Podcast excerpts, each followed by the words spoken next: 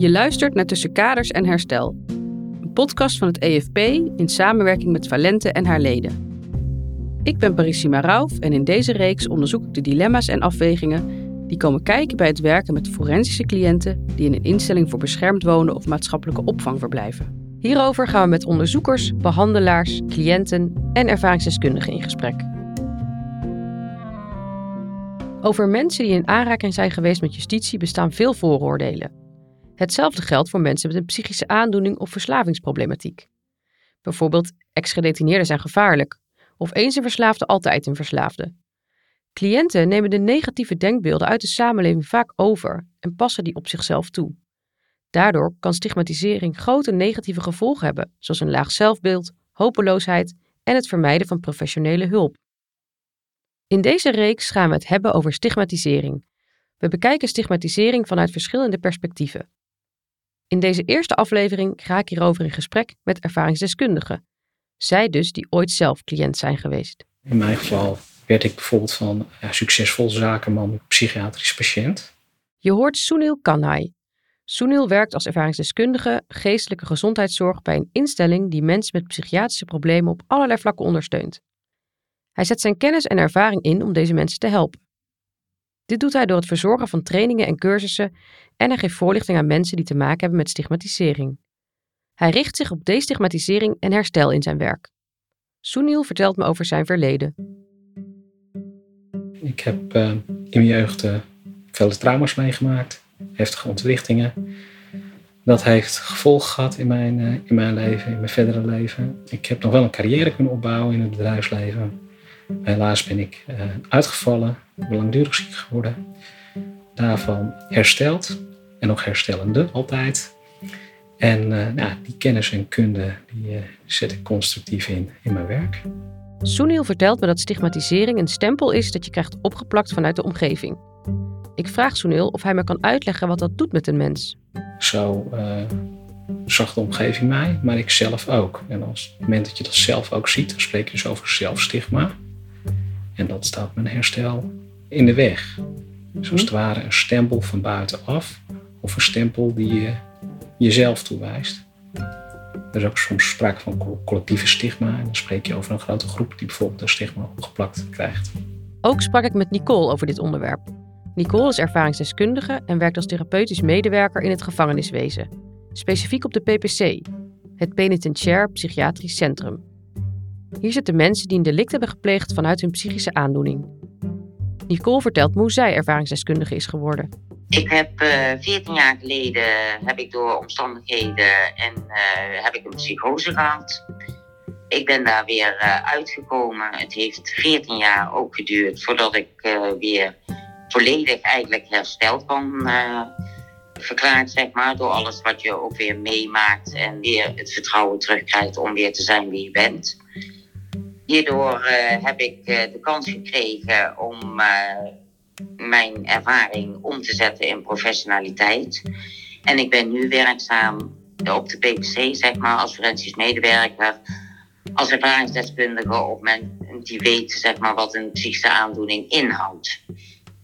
En dan heb ik het niet zozeer over het feit wat het is om een psychische aandoening te hebben die verklaard wordt door de behandelaars en door de diagnostiek.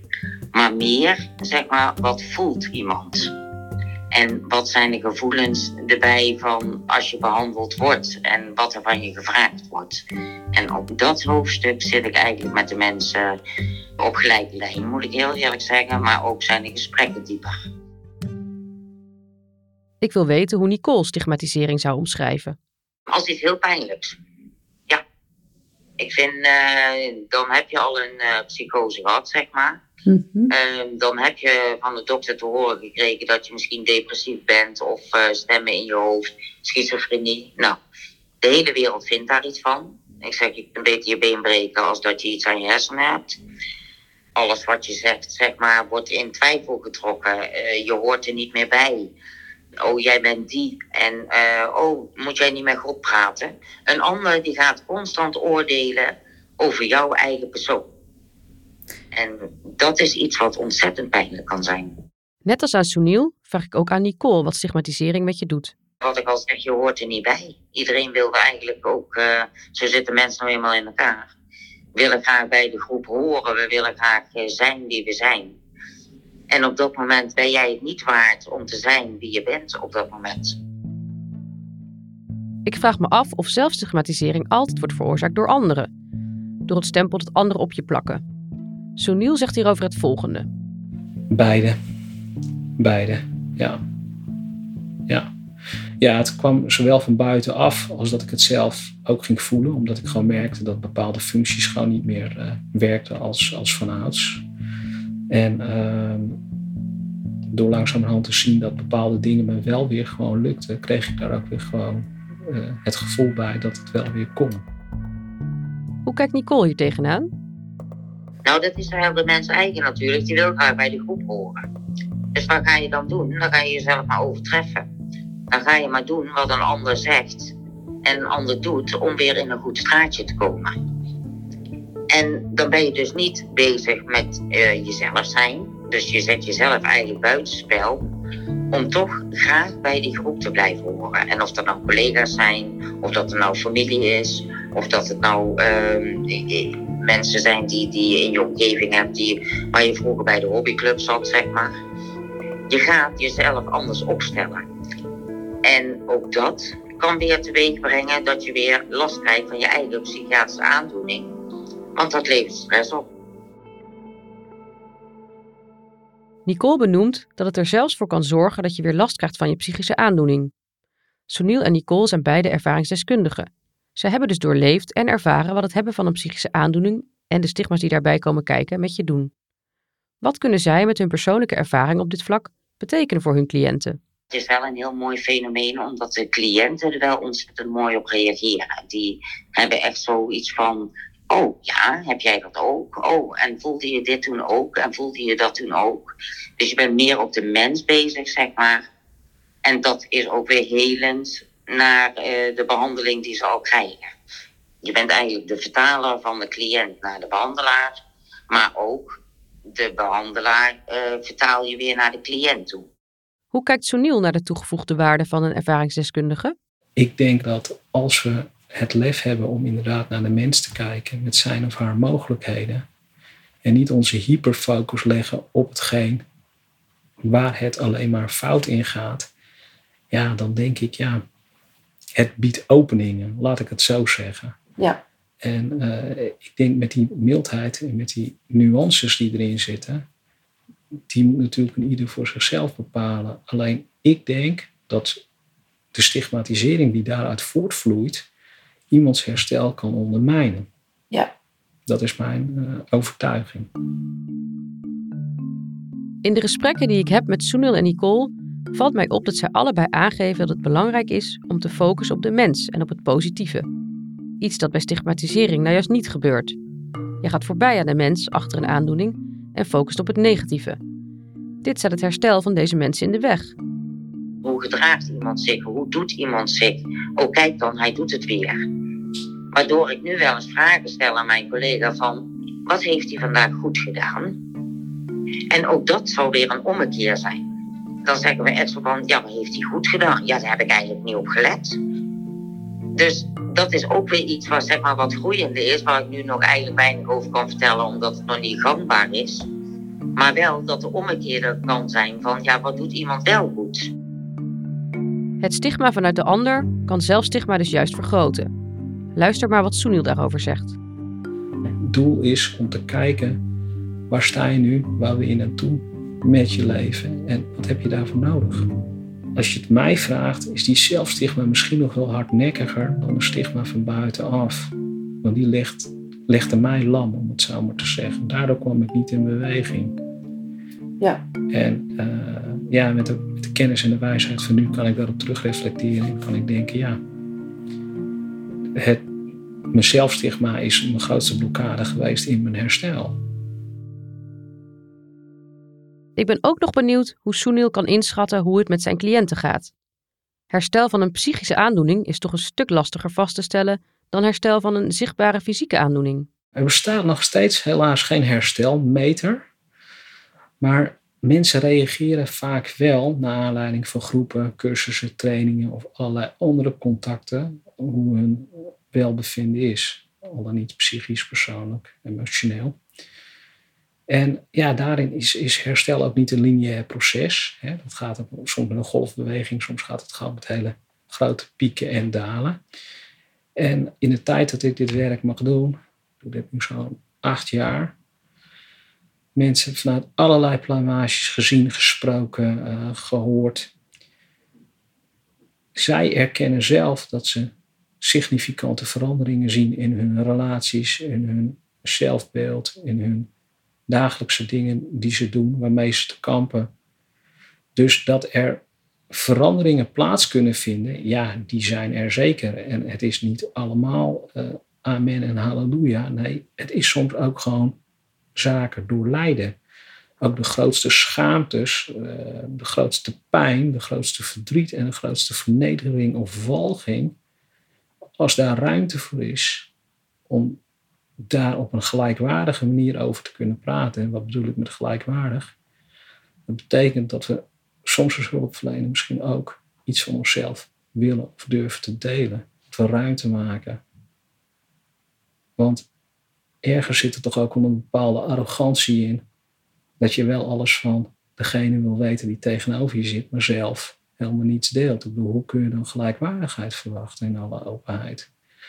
Ik heb aan die andere kant gezeten en ook heel erg gedacht. En daarin stigmatiseerde ik misschien ook. Van ja, diegene heeft het gewoon helemaal prima voor elkaar. Wat heeft diegene nou? Wat heeft hij dan meegemaakt? Ja, nou ja, uh, ben er eigenlijk zo benieuwd naar. Maar gelukkig ben ik ook in de hulpverlening mensen tegengekomen die wel een stukje bescheiden voor zichzelf delen. Hoe fijn was dat? Om dat stukje menselijkheid te mogen ervaren. Het hoeven geen hoogdravende dingen te zijn, maar gewoon dat stukje persoonlijke nabijheid.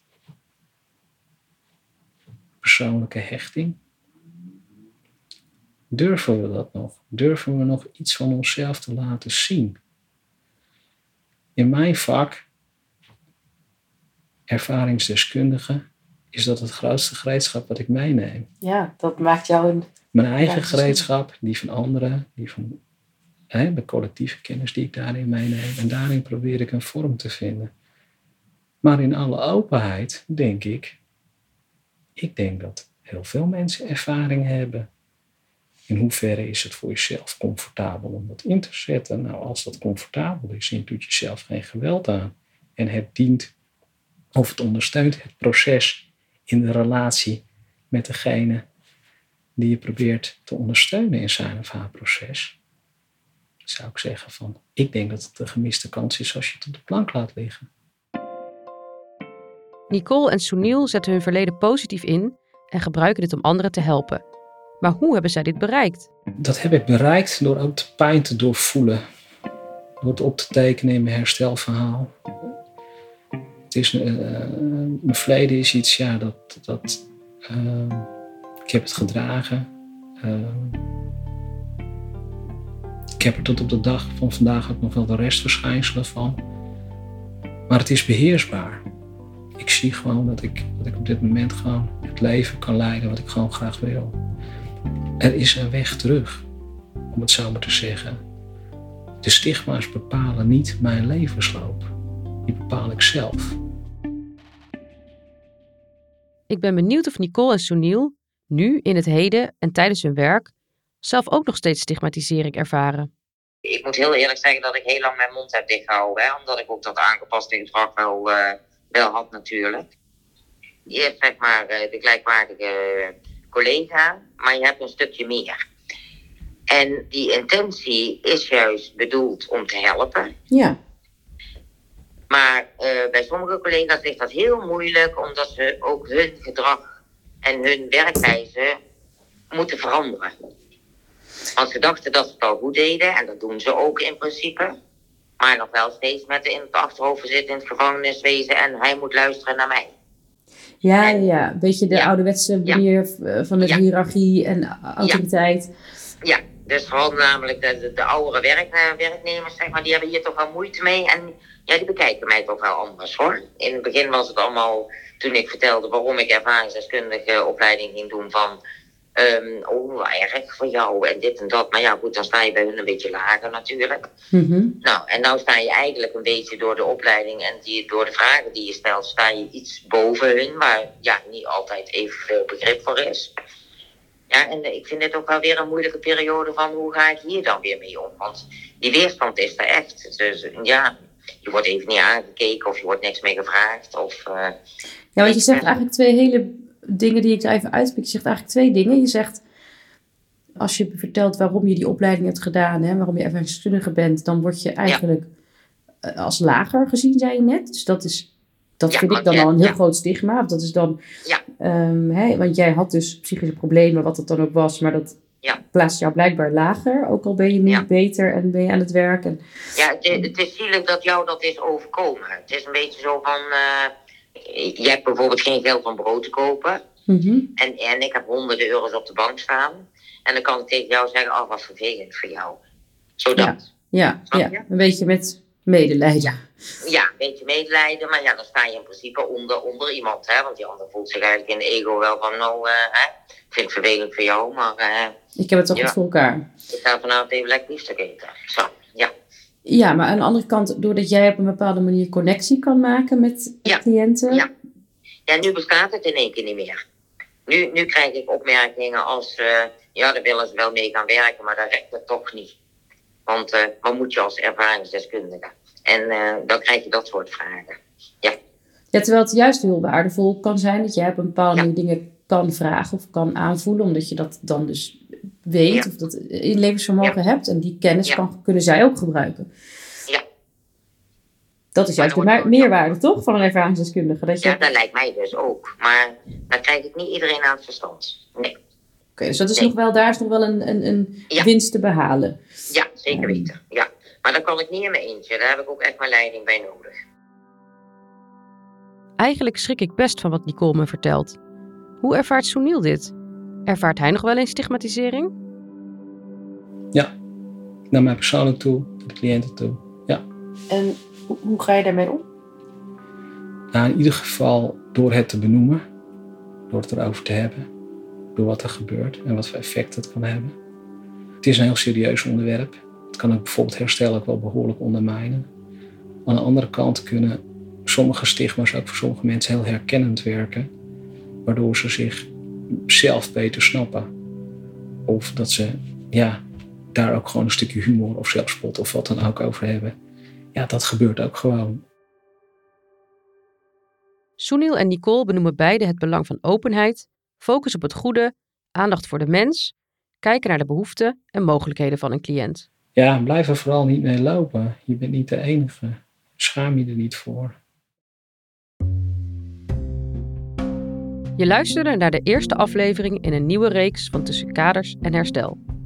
Een podcast van het EFP in samenwerking met Valente en haar leden. Wil je meepraten over dit onderwerp? Het EFP faciliteert op allerlei manieren het gesprek. Hou daarvoor bijvoorbeeld onze LinkedIn-pagina in de gaten.